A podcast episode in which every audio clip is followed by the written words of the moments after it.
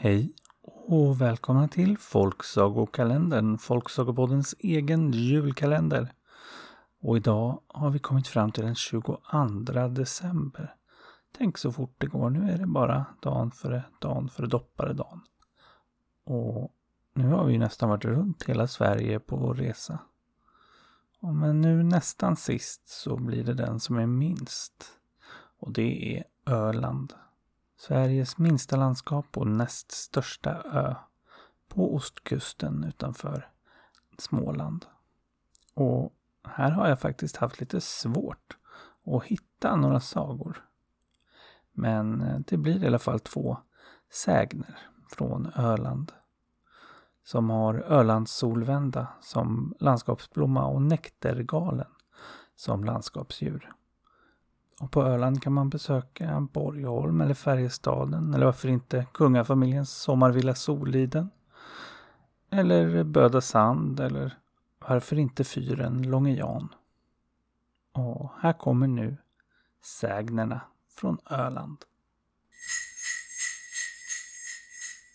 Det var en gång en båtsman från Kastlösa som var ute till sjöss när det plötsligt klättrade upp en mycket vacker kvinna på båten.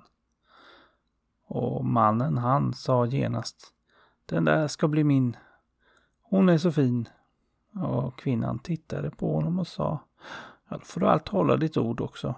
Och sen dök hon ner i havet och försvann. Och mannen han fortsatte tänka på henne länge men han såg henne aldrig igen och efter en tid så gifte han sig med en annan flicka. Och innan dess hade ju ingenting konstigt hänt men så fort han gift sig så började genast den här kvinnan från havet att dyka upp. Överallt var hon plötsligt. Tittade han sig i spegeln var hon där. Gick han och la sig på andra våningen kunde hon plötsligt titta in genom fönstret, större än någonsin. Gick han på gatan kunde skator skratta åt honom med hennes röst. Och sakta men säkert drev de honom till vanvett.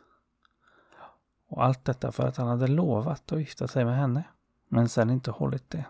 Och han försökte att flytta. Han flyttade runt i hela Sverige och gav sig ut på sjöss men överallt fanns hon. Och han blev bara tokigare och tokigare och till slut så dog han faktiskt. Så man ska vara försiktig med vem man lovar bröllop om man inte tänker hålla det. Det var en gång stort gäng barn som hade bet sig ner för att leka vid stranden. När det plötsligt dök upp en stor och vacker häst. Barnen tyckte den var väldigt fin och ville gärna rida på den och hästen var snäll mot dem och lät dem klättra upp. Ja, så stor var den att de fick plats allihop. Och så började hästen att bege sig iväg. Men det var en liten pojke som inte hade hunnit med riktigt. Han var lite för liten och kunde inte klättra upp själv.